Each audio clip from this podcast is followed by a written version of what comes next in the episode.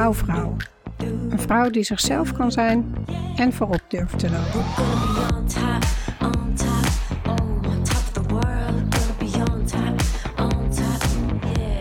Welkom bij de podcast voor ambitieuze vrouwelijke leiders die dicht bij zichzelf willen blijven en leiden vanuit hun hart en intuïtie. Ik ben Hiltje Oude Luttekhuis en ik wil een wereld creëren waarin je vrouw zijn geen belemmering vormt om een leider te zijn. Als huisarts, CEO van een one-woman biz, mama van vier kids en imperfecte feminist houd ik openhartige interviews met vrouwelijke rolmodellen uit de artsenwereld, wetenschap, tech en entrepreneurship. Vrouwen die voorop durven te lopen. Ook inspireer ik je met female empowerment topics om je zelfvertrouwen te boosten, zodat jij ook voorop durft te gaan lopen. Luister mee. Laat je verwonderen en uitdagen om voorop te lopen. Dit is de Wouwvrouw podcast. Laten we een nieuwe revolutie beginnen.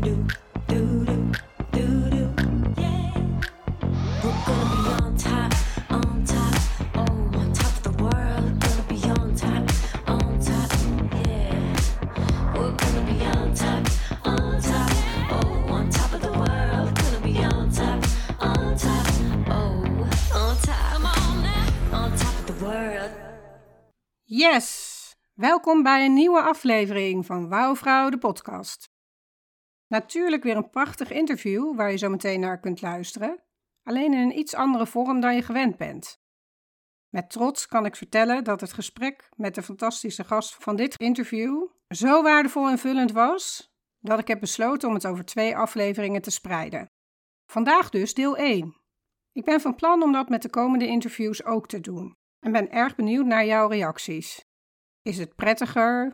Is het storend? Of is het allemaal goed? Laat het me weten. Aan het einde van de podcast hoor je alle manieren waarop je met me kunt verbinden. Daarnaast wil ik je ook met trots vertellen, en ik denk dat de gast uit deze aflevering ook trots op mij is, zodat ik in beweging kom, dat ik weer ben gaan trainen voor de 35 Challenge. Dit is een initiatief van de internationale vrouwenrechtenorganisatie ActionAid. Op 25 november doe ik 35 push-ups tegen geweld tegen vrouwen. Samen sterk. Ik wil je vragen me wat extra power in de armen te geven door me te sponsoren. Doneren kan op www.the35challenge, alles in het Engels, met TH, E en dan 35 in cijfers, challenge.nl slash actie heeltje. Je kan ook als je op de 35 Challenge pagina bent, mijn voornaam in het zoekvak intypen en dan komt de pagina ook vanzelf omhoog. Heel erg bedankt. Voor nu veel luisterplezier. Laat je verwonderen en uitdagen om voorop te lopen. Bij mij in de studio vandaag Janneke Wittekoek. Zij is cardioloog en directeur van het door haar zelf gestarte zelfstandig behandelcentrum, de Heartlife Klinieken in Utrecht. Ze bekleedt verschillende bestuurlijke nevenfuncties, is auteur van boeken en columns en ontwikkelde een game voor vrouwen in de overgang om gezond te blijven. Haar missie is om het vrouwenhart te doorgronden en op de kaart te zetten. Ze is getrouwd, heeft twee kinderen en haar hobby's zijn boeken en columns lezen en schrijven en marathons hardlopen. Wauw, welkom Janneke. Ja, dankjewel uh, Hiltje. Leuk om hier te zijn. Ja, uh, is, is het aan het einde van zo'n marathon, is dat nou ook het moment dat je je helemaal wauw voelt? Of zijn daar andere momenten voor? Nou, aan het einde van de marathon voel je je niet helemaal wauw. Um, alhoewel, natuurlijk, het, uh, laat ik het zo zeggen, vlak voordat je die finish overgaat, uh, dan, dan moet je nog even alles geven wat je hebt. En op het moment dat je echt die finish over bent, is het natuurlijk fantastisch. Dan ben je zo verschrikkelijk blij dat, dat je dat achter de rug hebt. Uh, maar daarna begint er wel even een uh, herstelmoment. Maar nee, het is inderdaad wel zo, echt de finish over is wauw. Laten we zeggen een kilometer daarvoor. Dan uh, wil je niks liever dan dat het stopt. ja, dat heb ik denk ik al aan het begin. Maar zwaar, hè? daar kan ja, je van er zijn wel wat meer momenten in zo'n race inderdaad dat je het wel wil opgeven. Maar ja, dan, moet, moet, dan moet je aan het werk in je hoofd hè, doorzetten. Precies. Wat zijn momenten door de dag of door de week genomen waarop jij je een echte wauwvrouw voelt? Een wauwvrouw. Uh, Hiltje, wat uh, is jouw definitie van wauwvrouw? Ja, mijn definitie van wauwvrouw is dat je van binnen zelf voelt, maar ook dat iemand anders jou ziet hè, stralen. Echt dat gevoel van wauw, wat je omschrijft, wat je waarschijnlijk hebt als je over die finish in die marathon loopt. Op wat voor andere momenten in je leven pak je dat gevoel? Nou, dat is, uh, uh, ja, vind ik eigenlijk wel een hele leuke vraag. Nou, sowieso heb ik dat uh, toch wel wekelijks in mijn spreekkamer met mijn patiënten. Dat is natuurlijk mijn, mijn grote passie om, om te kijken waar ik daar kan bijdragen aan een klein stukje verbetering van kwaliteit van leven. En um, regelmatig eh, komen vrouwen bij mij terug op het spreekuur, uh, die dan naar huis zijn gestuurd eerder met dat er toch wat um, gewerkt moet worden aan gezondheid, dat ze meer moeten gaan bewegen. En uh, weet je, ik heb best wel moeten leren in mijn spreekkamer om, om eigenlijk, dat noem ik dan maar even niks doen. Dus niet iets voorschrijven, maar juist vrouwen in hun kracht zetten en, en ze zeggen dat, uh, dat, ze, dat ze echt wel dingen kunnen veranderen als ze maar genoeg willen. Een beetje dat stukje empowerment.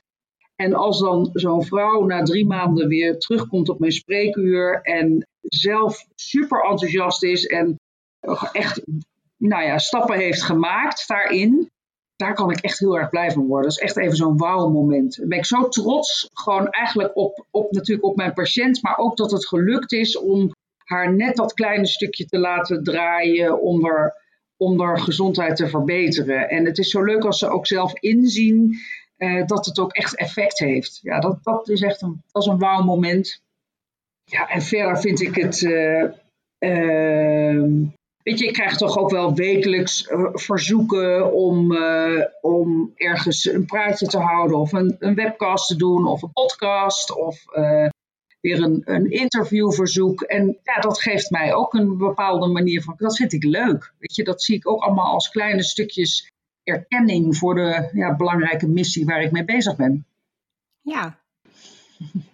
Uiteindelijk gaat het er natuurlijk om, hè, want we kunnen zelf heel hard aan onze missie werken, maar uiteindelijk willen we vaak daarin ook impact hè, maken met elkaar of op anderen. Ja, dus dat snap ik wel. Ja. ja. Ja, dat is, uh, dat is leuk. Dat geeft een goed, geeft een goed gevoel. Ja. hey, en ik zat me daar even eh, zelf over te verwonderen. Hè? Je hebt natuurlijk verschillende rollen. Hoe ziet, hoe ziet jouw week eruit? Ja, mijn week is, eh, dat is wel grappig. Dat is meerdere mensen die zich daar dan over, over verbazen. Omdat, er, omdat je inderdaad verschillende dingen iedere keer dan voorbij ziet komen. Misschien in de media. Uh, maar het grootste gedeelte van de tijd ben ik uh, aan het werk in mijn, uh, in mijn kliniek en doe ik patiëntenzorg.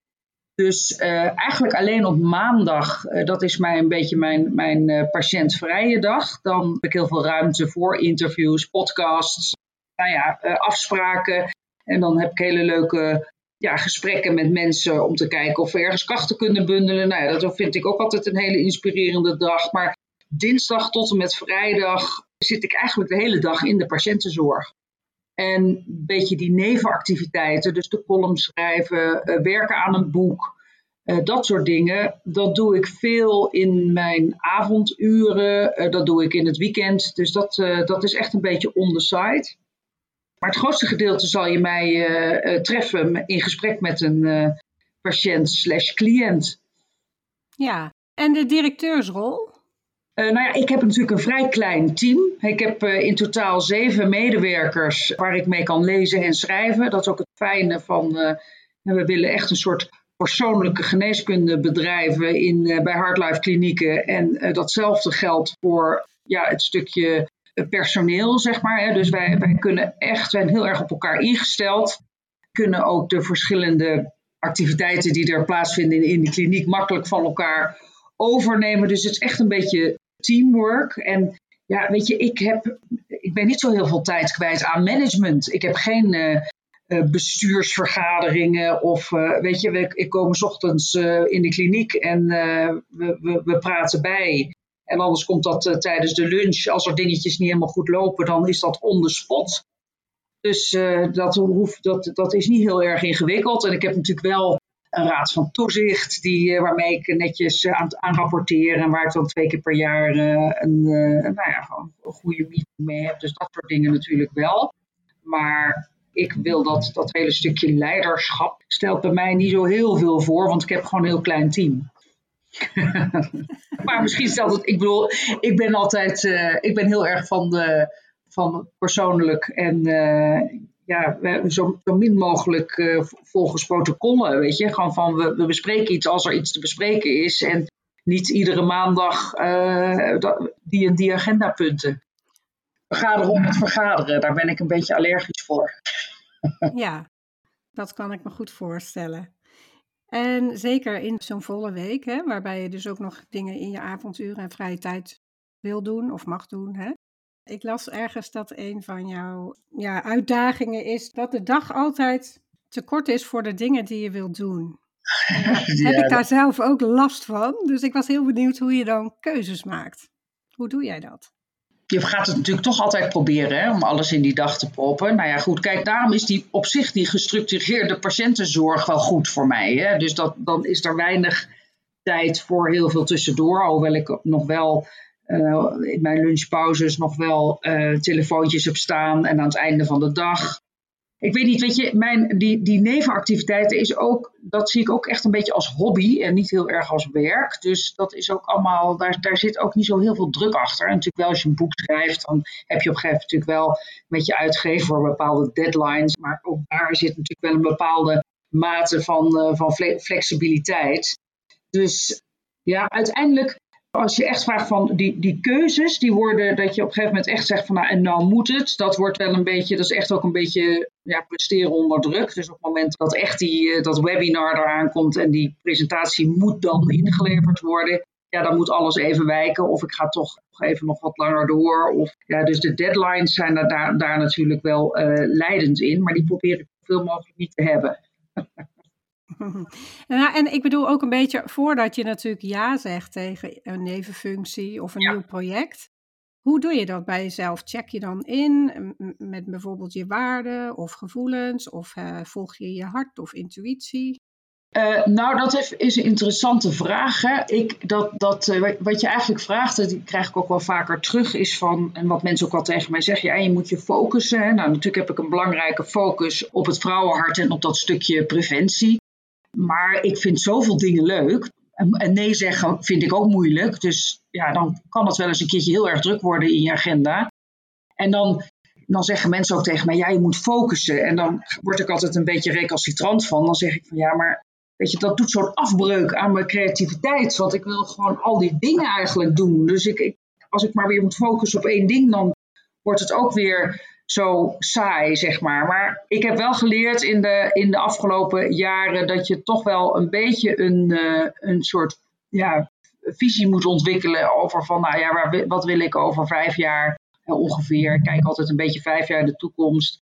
Van wat zou je dan bereikt willen hebben? natuurlijk kan je dat altijd een beetje bijstellen. En, en je kijkt wel naar projecten en dingen ja, die daar ook een beetje in passen. En dus ben, wat dat betreft wel iets kritischer geworden. Ik, toen ik begon, toen zat ik echt met iedereen zeg maar koffie te drinken. Die zei van weet je, dat kostte me gewoon heel veel tijd. En dat, daar gaf ik ook heel veel energie natuurlijk ook omdat ik wel wil inspireren en mensen ook wel wil vertellen over hoe je dingen doet. Maar op een gegeven moment word je, heb je wel zoiets van, word je daar wel iets strenger en wat kritischer in dus als iemand nu vraagt van God, zullen we eens een keer koffie drinken om eens even, volgens mij hebben we veel raakvlakken, dan stuur ik wel een mail terug van, en vind ik heel erg leuk en fijn dat je zo enthousiast bent, maar maak nou eens even een agenda van wat wil je nou precies met mij bespreken en dat we even, dat we ook gewoon, gewoon gericht gewoon een goed gesprek kunnen hebben en niet, nou, dat het niet alle kanten op gaat. Dus wat dat betreft ben ik iets kritischer in, in waar ik echt mee verder ga. Aan de andere kant probeer ik het te veel focussen ook een beetje te vermijden, omdat ik soms gekke dingen ook wel weer heel leuk vind. En dat wil ik dan ook wel, ja, dat, dat, dat wil ik dan toch onderzoeken.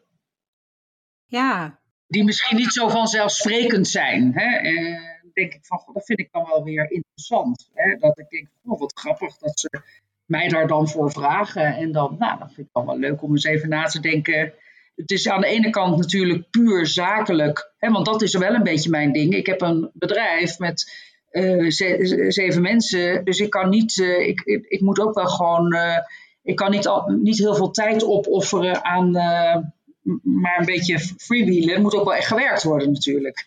dus dat wordt wel eens vergeten. Vind ik soms ook wel jammer. Hè? Dus dan zegt iemand, ja, kan je op donderdag om twee uur een lezing geven daar en daar. Dan zeg ik, ja, maar dan moet ik echt mijn praktijk dichtgooien. Dus ik kan dat, wil het wel doen, maar daar moet wel een bepaalde vergoeding tegenover staan. Nou ja, dat soort dingen, terwijl ik het liefst ik zou de zeepkist onder mijn arm willen nemen en uh, overal mijn, uh, mijn boodschap uh, vertellen. Maar ja, daar moet je noodgedwongen soms wel wat zakelijker in worden. Maar dat lukt goed. Ja, en ik vind dat een hele goede tegenhanger zoals je hem nu vertelt. Van ik moet mijn praktijk letterlijk dichtgooien. Dus uh, ja, moet daar een vergoeding tegenover staan. Ik denk dat als luisteraars dit horen, dat het ook kan helpen om dus inderdaad te beslissen van hè, ik wil iets best doen, maar dan durf ik er ook hè, geld voor te ja. vragen. Ja. En ik hoorde je ook al creativiteit noemen. En als je je alleen maar op bepaalde dingen focust, ja, dan blijft er voor die creativiteit of spontaniteit weinig ruimte, inderdaad. En ik ben wel benieuwd, ik heb een vaste rubriek in deze podcast, de rubriek Waar gaat jouw hart sneller van kloppen? en dan leg ik jou twee woorden voor en dan hoor ik graag naar welk van de twee jouw hart het meeste uitgaat. Oké. Okay. Chocola of wijn? wijn. Een boek of een podcast? Een boek. Mannen of vrouwen? Vrouwen. Hakken of sneakers? Sneakers. Angela Merkel of Jacinda Arden? Jacinda Arden. Hart of hoofd? Hart. Ondernemer of bestuurder? Ondernemen. Dokter of changemaker? Dokter. Dankjewel. nou, dat was niet zo heel moeilijk. Nee, nee, dat ging echt lekker vlotjes. eerste een beetje, de wijn en chocola, die vond ik wel lastig. Ja, zijn ze allebei goed? Ze zijn allebei lekker, ja. Ja, precies. Het Ja, is allebei niet goed, dus oh wel. ja, met mate, hè? Met mate. Ja. Ja, dat ging verrassend vlotjes inderdaad. En ik was zelf wel verrast over de, de dokter changemaker keuze. Maar dat was dus met mijn gedachte dat ik dacht met al die dingen die jij doet, heb je weinig patiëntenzorg. Maar dat is dus helemaal niet waar. Dus dat vind ik wel een mooi beeld eh, dat je dat net zo hebt geschetst.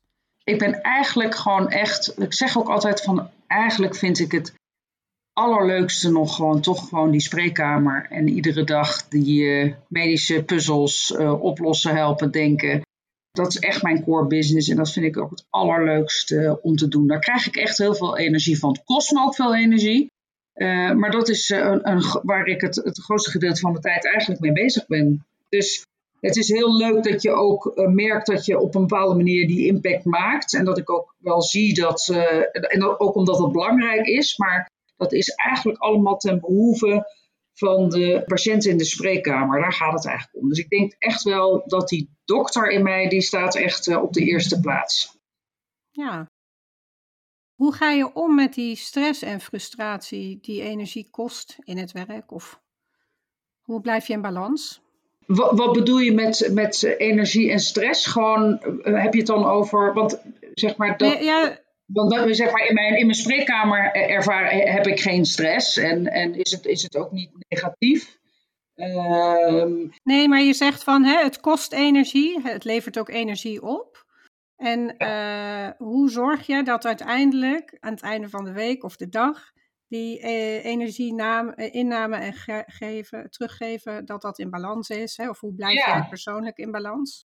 Nou, ik denk dat, het, eh, eh, dat je goed voor jezelf moet zorgen. Dus even, kijk, ik, ik, eh, je, eigenlijk vraag je een beetje van hoe zorg je dat je niet helemaal opgebrand raakt. Hè? Dat is een, denk ik een beetje wa- wat je vraagt. Ja. Waar ik heel veel aandacht aan besteed is dat ik zelf gewoon fit en gezond ben en blijf. Daar investeer ik ook veel in.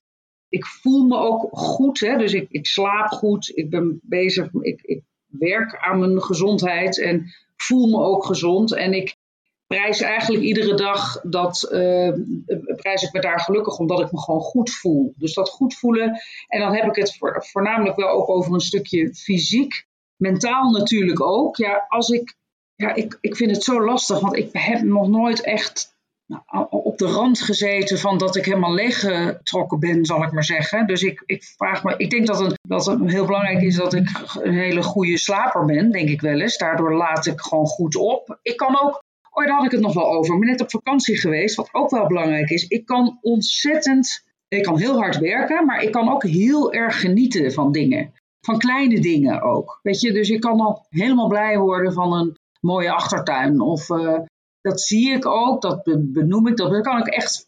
Dus ik zeg wel eens van ik kan heel hard werken, maar kan gelukkig ook zo verschrikkelijk genieten van rustmomentjes, een kopje koffie met een vriendin of dat soort dingen. Daar haal ik dan weer heel veel energie uit. Dus ja, ik maak het voor mezelf ook wel leuk. Op het moment dat ik een hele week heel hard heb gewerkt, dan, uh, dan ga ik op zaterdag eens even bedenken van, uh, waar heb ik nou zin in? En dan denk ik, nou, misschien heb ik wel zin om uh, naar, even naar een winkel te gaan of even met die vriendin een kopje koffie drinken. Dan ga ik daar echt ook heel erg van genieten. En dan, dan dat geeft denk ik ook een soort rust.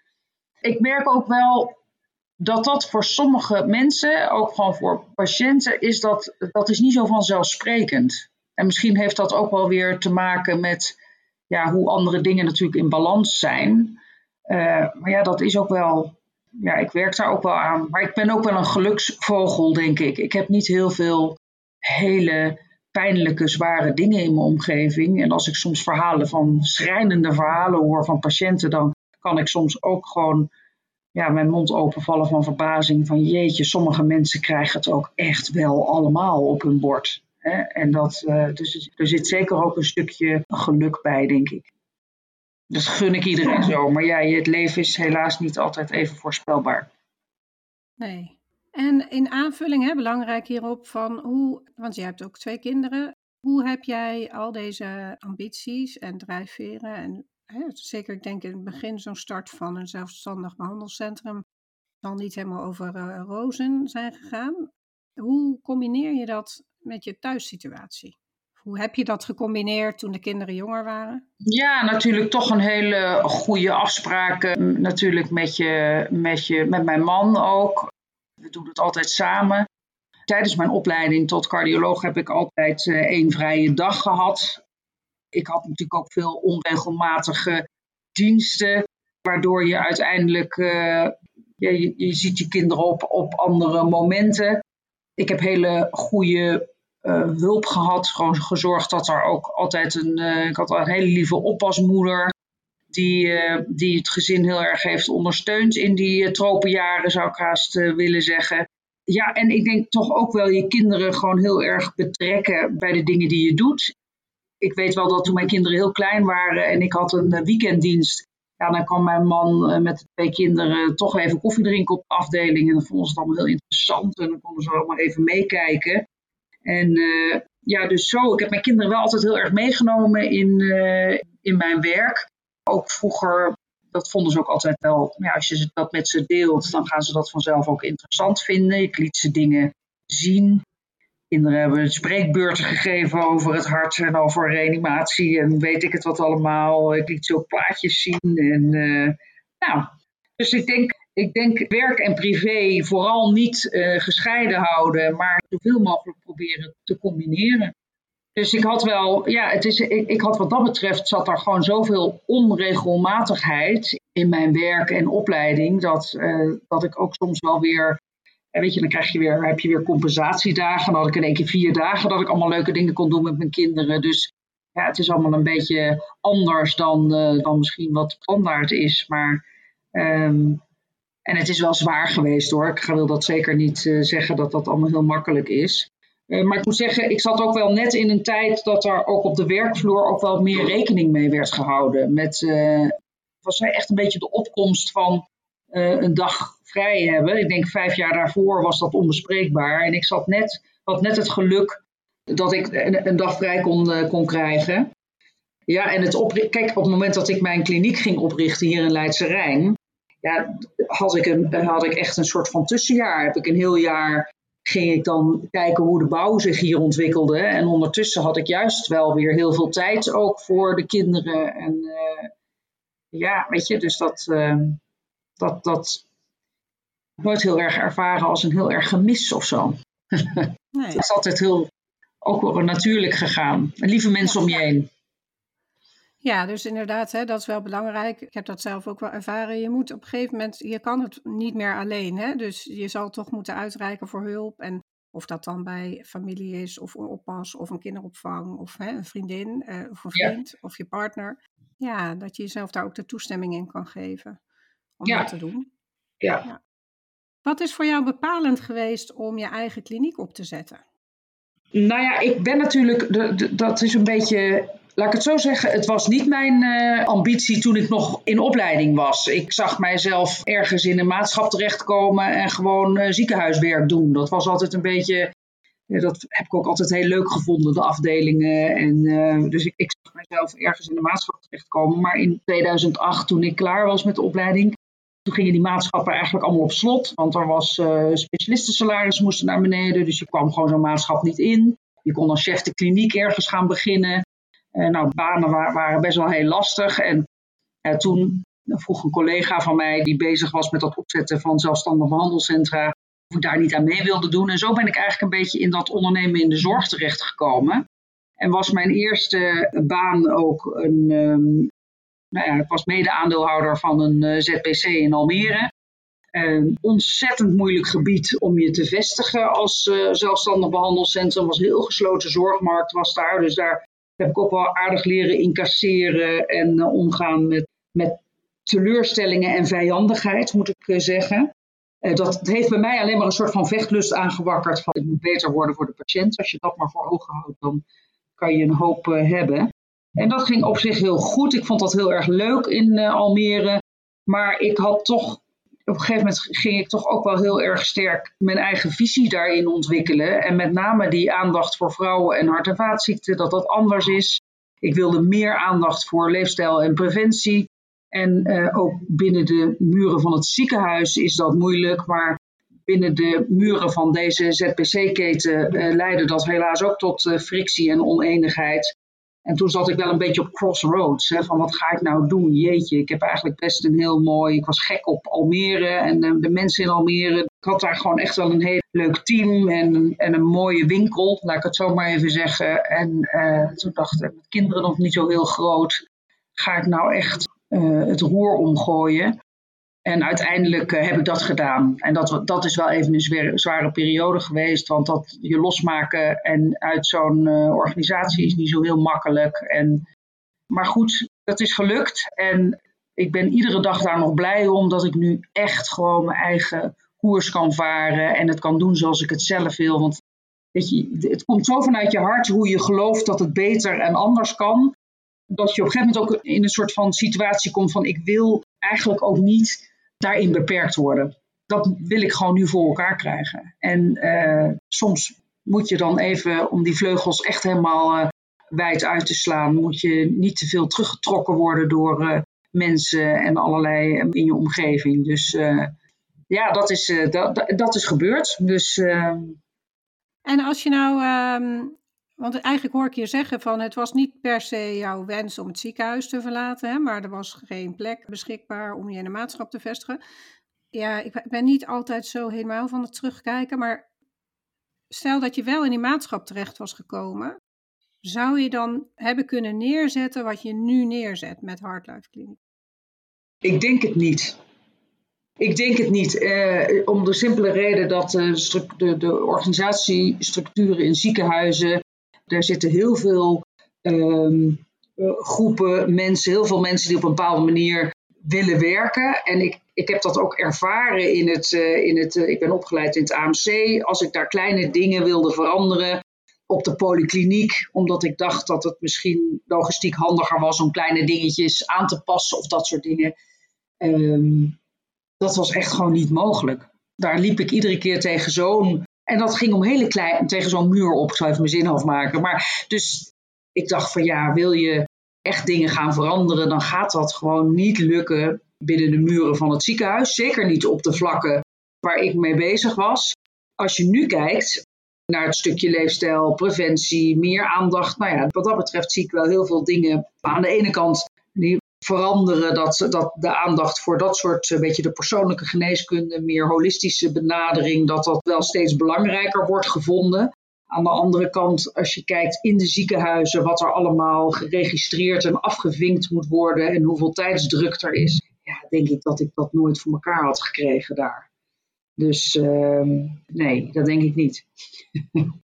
Wat is een voorbeeld van een ding wat je in Hardlife klinieken echt heel anders doet dan in het ziekenhuis bijvoorbeeld? Nou, niks doen bijvoorbeeld. Ik bedoel niet niks doen als niet werken, maar bij een, een patiënt die bij je komt op je spreekuur, dat je niet een soort gevoel hebt van, ja, ik moet eigenlijk wel iets doen. Hè? Van zo'n patiënt die daar dan tegenover je zit. Ik weet wel dat ik vroeger mijn poli dan aan het voorbereiden was. En dan keek ik zo naar die lijst van medicatie. En dan dacht ik altijd van nou, als, die, nou als het heel goed gaat met die patiënt, dan eh, nou, kunnen we misschien wat medicatie gaan afbouwen. En als het niet goed gaat, ja, dan moet er misschien uh, kijken, ja, zou ik dat medicament nog wat kunnen ophogen? Of nou, dan kunnen we misschien nog eens een keer een foto maken. Of uh, dan kan ik nog eens een keer. Dus continu bezig met van, ik moet iets doen.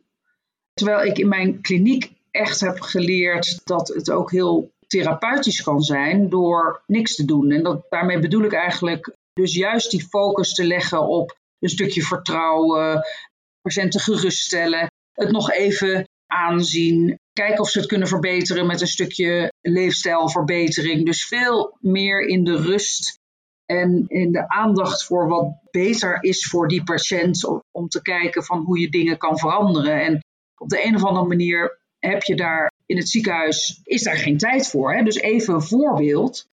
Daar heb ik ook wel vaak discussies over gehad. Dan zeiden ze van ja, maar dat hele leefstijl uh, gebeuren, dat wordt allemaal niet vergoed. En dan denk ik, hoezo? Dus als ik in mijn spreekkamer een patiënt een medicament voorschrijf en ik zeg ik zie je over drie maanden terug om eens even te kijken hoe het gaat, dan mag dat wel. En als ik zeg, nou, ik doe even helemaal niks, ga maar eens even iedere dag uh, kijken. Nou, hè, je geeft bepaalde leefstijladviezen en dan zie ik je ook over drie maanden weer terug. Ik bedoel, in beide gevallen wordt dat, zit dat toch gewoon in jouw zorgtraject. Het is toch niet dat het alleen maar vergoed wordt als ik pillen voorschrijf. Ik kan toch gewoon luisteren, geruststellen, oefeningen, uh, et cetera, mee en dan kijken hoe het gaat. Er is niemand die mij, die mij voorschrijft wat ik moet adviseren in mijn spreekkamer. En het zou natuurlijk te gek. Dus dat vind ik ook een beetje zo van het wordt niet vergoed. Het is maar net wat jij aan. Nee, ik kan, ik kan geen slaapcursus voorschrijven, maar ik kan een, op, receptenpapier. Maar ik kan wel heel veel adviezen, tips en tricks geven en dan kijken of het beter gaat. En daar heb ik ook echt wel in die zin gebruik van gemaakt. Uh, om even te kijken van wat kunnen we nou bereiken vanuit de kracht van de patiënt zonder al die medicijnen. En dat is opmerkelijk veel. En dat, uh, ja, dat vind ik dan wel heel leuk om te zien. Ik, ik las vorige week ook een column, ik weet even niet hoe ze heet, die zei van een dokter met lef doet niks of zoiets stond daar. En dat ging daar ook een beetje over. Zo van, je hoeft niet altijd wat te doen. Hè? Het is de kunst om, als je in gesprek gaat met de patiënt, van waar komt hij nou echt voor? Hè? Die zit misschien helemaal niet te wachten. Of die, die ventileert klachten waarbij die niet zit te wachten op hier een pil erbij, maar die zit te wachten op gewoon gehoord worden. En, en misschien een stukje geruststelling als het kan. En misschien een stukje empowerment om toch weer door te kunnen ik vind dat een hele belangrijke rol ook voor een behandelaar. En die wordt nog wel eens uh, ondergesneeuwd in een druk ziekenhuis, waarbij je met de tijdsdruk altijd maar het gevoel hebt dat je iets moet doen. Dus nou, dan doen we maar weer een scan of dan doen we maar weer een pil omhoog. En dan, dan is die patiënt in ieder geval weer uit de spreekkamer. Dan kan ik weer naar de volgende. En dat is natuurlijk gewoon, ja, daarvoor ben je geen dokter geworden. Dat is gewoon, ik vind dat soms zo jammer. Ja, dan stomp je af. Dan, dan heb je geen zin in je poli als het zo moet. Hè? Maar je wil, je wil echt kijken hoe kan je nou de kwaliteit van leven verbeteren. Ja, dat merk ik ook als huisarts inderdaad. Hè? Onder de tijdsdruk dat het soms makkelijker is om te zeggen van... Oh, u wil een foto hè, van... Uh, want u denkt dat u een gebroken rib heeft. Ja. Waarbij we allemaal natuurlijk weten dat dat echt geen meerwaarde heeft. Hè? Maar soms is het dan sneller om die foto uit te schrijven dan om iemand ja te overtuigen waarom het geen zin heeft. Ik pak nu even dit voorbeeld, maar ik denk ook wel dat het soms zo met de pillen uh, werkt. Uh, aan de andere kant ik zit niet helemaal in het vergoedingensysteem, maar er was natuurlijk op een gegeven moment wel wat discussie over dat de huisartsen werden afgerekend op het level van het cholesterol, als het ware, of hoeveel statines er voorgeschreven uh, werden. Daar zit, hoor ik ook in jouw verhaal, een stukje de angst in dat als je de patiënt eigenlijk weer zijn eigen verantwoordelijkheid teruggeeft om die leefstijl aan te pakken, dat hij het niet doet. En dat jij dus uiteindelijk niet je streefdoelen haalt. En dan kom je weer terug bij van, dan is het weer makkelijk om dat pilletje voor te schrijven. Uh, het is natuurlijk veel efficiëntere geneeskunde als jij eerst met die patiënt die dat hoog cholesterol is, eerst eens even gaat kijken wat hij zelf kan. Nou ja, als, die, als blijkt dat dat gewoon toch heel moeilijk is, op een gegeven moment kom je toe op, de, op het punt van ik moet je nu toch echt wel dat medicament gaan voorschrijven, omdat de kans op dat hartinfarct nu wel heel groot wordt, hè, als dat zo is. En dan is vaak die patiënt staat daar dan ook veel meer open voor. Want die heeft een, even een periode gehad dat er, dat er goed geluisterd is. Dat hij ook inderdaad inziet van nee, ja, nee, dat lukt mij ook niet. Dan zijn ze vaak ook wel bereid en zijn ze vaak ook therapietrouwer. en je, en, maar ook dat stukje voorschrijven van medicatie en, en het monitoren van bijwerkingen en daar echt oog en oor voor hebben en daar ook even de tijd voor nemen. Weet het is echt maatwerk. En het, het wordt te veel protocolair, maar uitgedeeld. En de patiënt zegt, nou, dan krijg je zo'n spierpijn van, nou, daar ben ik maar mee gestopt. Weet je, oké, nou, we volgende. Ja, zo werkt het niet. Hè. Je moet het echt veel beter begeleiden. En sowieso heb ik een hele issue met dat de protocolair voorgestelde doseringen, in ieder geval voor vrouwen, vaak ook veel te hoog zijn. Dus als ik een vrouw op een statine wil hebben, dan start ik nooit met 40 milligram simvastatine, wat in het protocol staat. Want dan weet ik gewoon al dat ik er over een week aan de telefoon heb eh, dat ze toch allerlei dingen daarvan van krijgt. Dus ook daar zit een stukje zorgvuldige begeleiding in. Ja, ik las ook dat jij samen met een collega een richtlijn cardiovasculair risicomanagement voor vrouwen hebt opgesteld om binnen de vrouwencardiologie te gebruiken? Nou, dat is eigenlijk, uh, dat was, ik denk dat je de leidraad bedoelt met uh, Jolande Appelman. Dat is al een beetje een wat oudere, dat was een van de eerste. Ja, dat moest ook echt een, uh, een leidraad worden, om, omdat dat nog, natuurlijk nog geen richtlijn mocht zijn. Dat is, dat, daar, daar zitten heel veel, nou ja, ook heel erg protocolair. Dus dat hebben wij toen in het vrouwenhart begeerd maar miskend. Dat was die, die leidraad.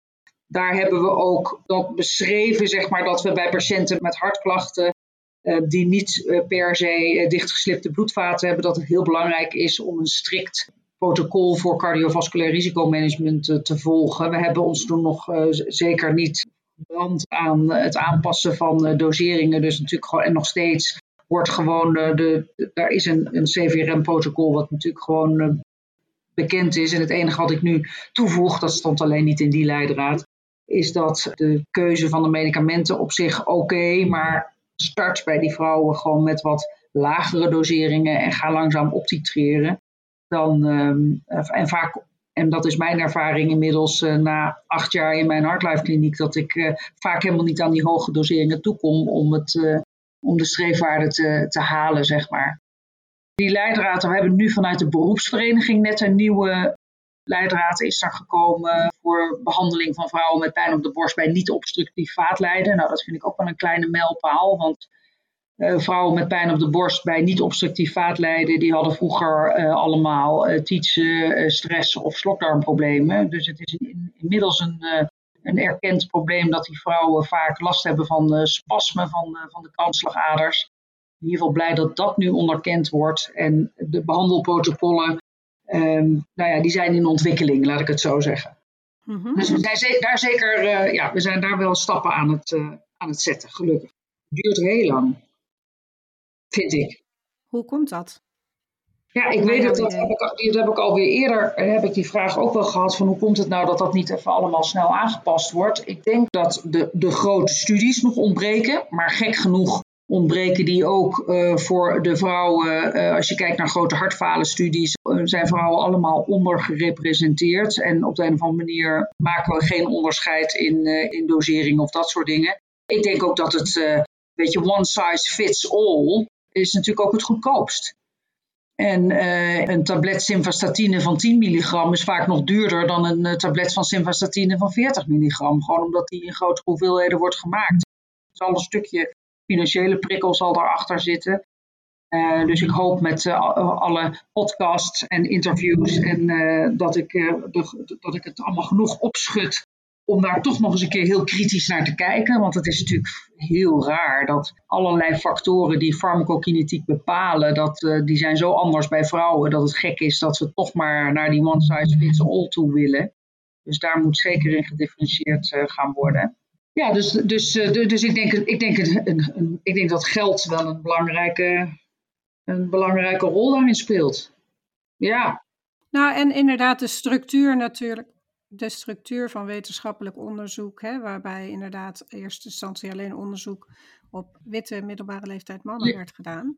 Ja, klopt. Um, ja, ik weet niet hoe lang dat geleden is, maar je zei in een interview een keer dat je dacht dat, uh, of dat jouw verwachting en hoop was dat over tien jaar, ik weet dus niet hoe lang dat geleden is, maar dat dan uh, het genderspecifieke deel binnen de cardiologie doorgevoerd zou zijn in de opleiding van de cardiologen.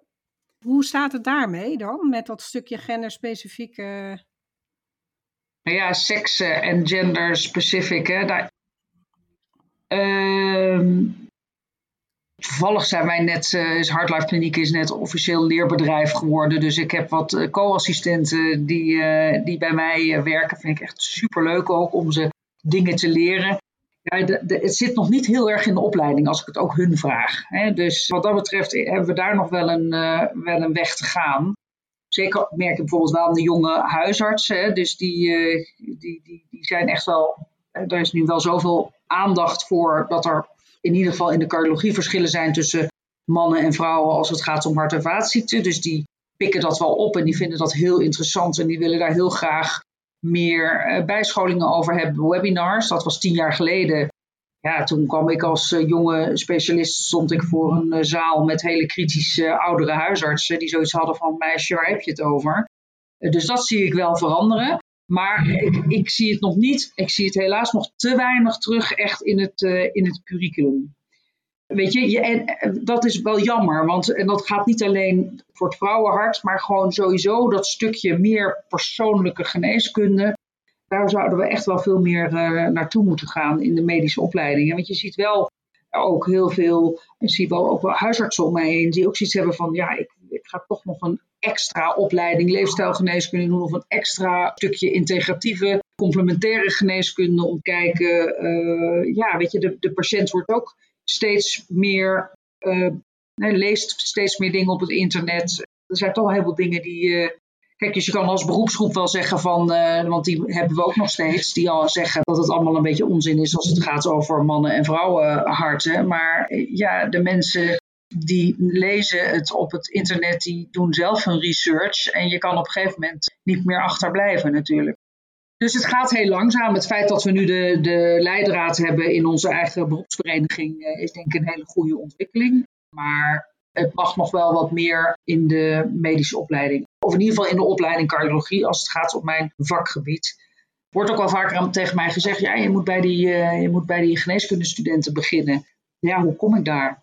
College gaan geven. Vind ik leuk hoor, doe ik graag. Alleen denk ik dat er echt wat veranderd moet worden, ook in de leerboeken.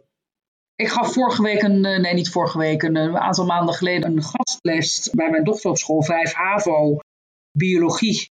En uh, dat vond ik nog vrij uh, ouderwets, zal ik maar zeggen. Dus dat is nog, uh, hè, dus waar ga je beginnen?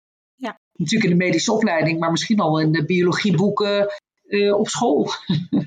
Ja, precies. Hè? Het is uh, al een kleine overwinning dat vorig jaar voor het eerst een anatomie-getrouwe presentatie van de clitoris op de middelbare school biologieboeken is gekomen. Nou, voor het eerst. Dat, dat bedoel ik. ook, ook, heel belangrijk. ja, nee, maar ik bedoel, ja, hè, dus uh, we liggen wat achter, bedoel ik daarmee ja. te zeggen. Ook op middelbare scholen. Dus ik kan me ook voorstellen dat dat voor het hart ook zeker zo is. Hè? En ja. ja, misschien moet je juist beginnen bij de groepen die dichterbij staan en naar beneden toe werken, kan je ook wat voor zeggen, hè? omdat die iets makkelijker omarmen. Dus hè, van AIOS naar co-assistent, naar geneeskundestudent en naar middelbare school. Ja. Maar ja. Long, long time to go hoor. Ik heb in mijn zomervakantie uh, Unwell Women gelezen over de geschiedenis van de vrouw in de geneeskunde, zeg maar het vrouwenlichaam. Nou, dat. En sowieso vrouwen die heel lang geen dokter mochten worden. En wij zijn toch wel heel erg lang genegeerd door de eeuwen heen. En ik denk dat we daar nog wel echt. dat, we zijn nu met een inhaalslag bezig, maar we zijn er, we zijn er nog niet. Let's start a revolution. Are you in?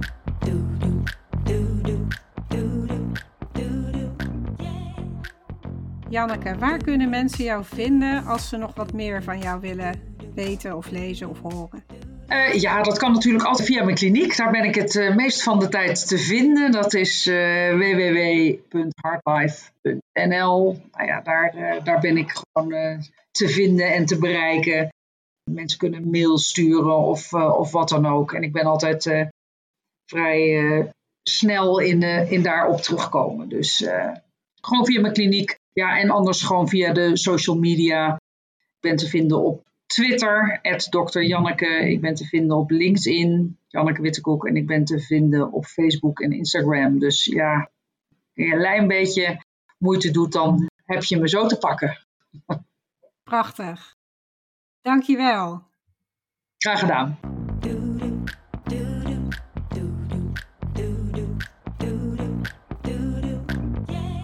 Wauw, geweldig dat je deze week weer intunede op Wauwvrouw, de podcast. Ik ben heel nieuwsgierig wat je inspireerde of welke inzichten je uit deze aflevering haalt. En stuur me natuurlijk absoluut een bericht als je acties onderneemt om voorop te lopen. Ik ben je grootste cheerleader. Leuk om te connecten. Op LinkedIn kun je me vinden als Heeltje Oude Luttekhuis. Ik weet het, een hele mond vol. Ik sta meestal bekend als die dokter met die moeilijke naam. Maar als je begint met Heeltje, H-I-L-T-J-E, dan verschijnt de rest vanzelf. Op Instagram vind je me als Wouwvrouw. Dat spel je met W-O-W en dan vrouw. Ben je enthousiast geraakt door de informatie in deze podcast, maar vraag je je af hoe je dit nu voor jezelf gebruikt? Dan heb ik iets heel tofs voor je. Om het beste uit deze podcast en jezelf te halen, heb ik een podcast inspiratiepagina gemaakt. Samenvatten en concretiseren op 1 A4'tje. Je kunt deze tool downloaden via www.wouwvrouw.nl slash podcast. Helemaal gratis en gegarandeerd verdieping die je ook kunt inzetten bij andere content, cursussen of congressen. Vind je deze podcast interessant en ken je iemand anders die wel een empowerment boost kan gebruiken?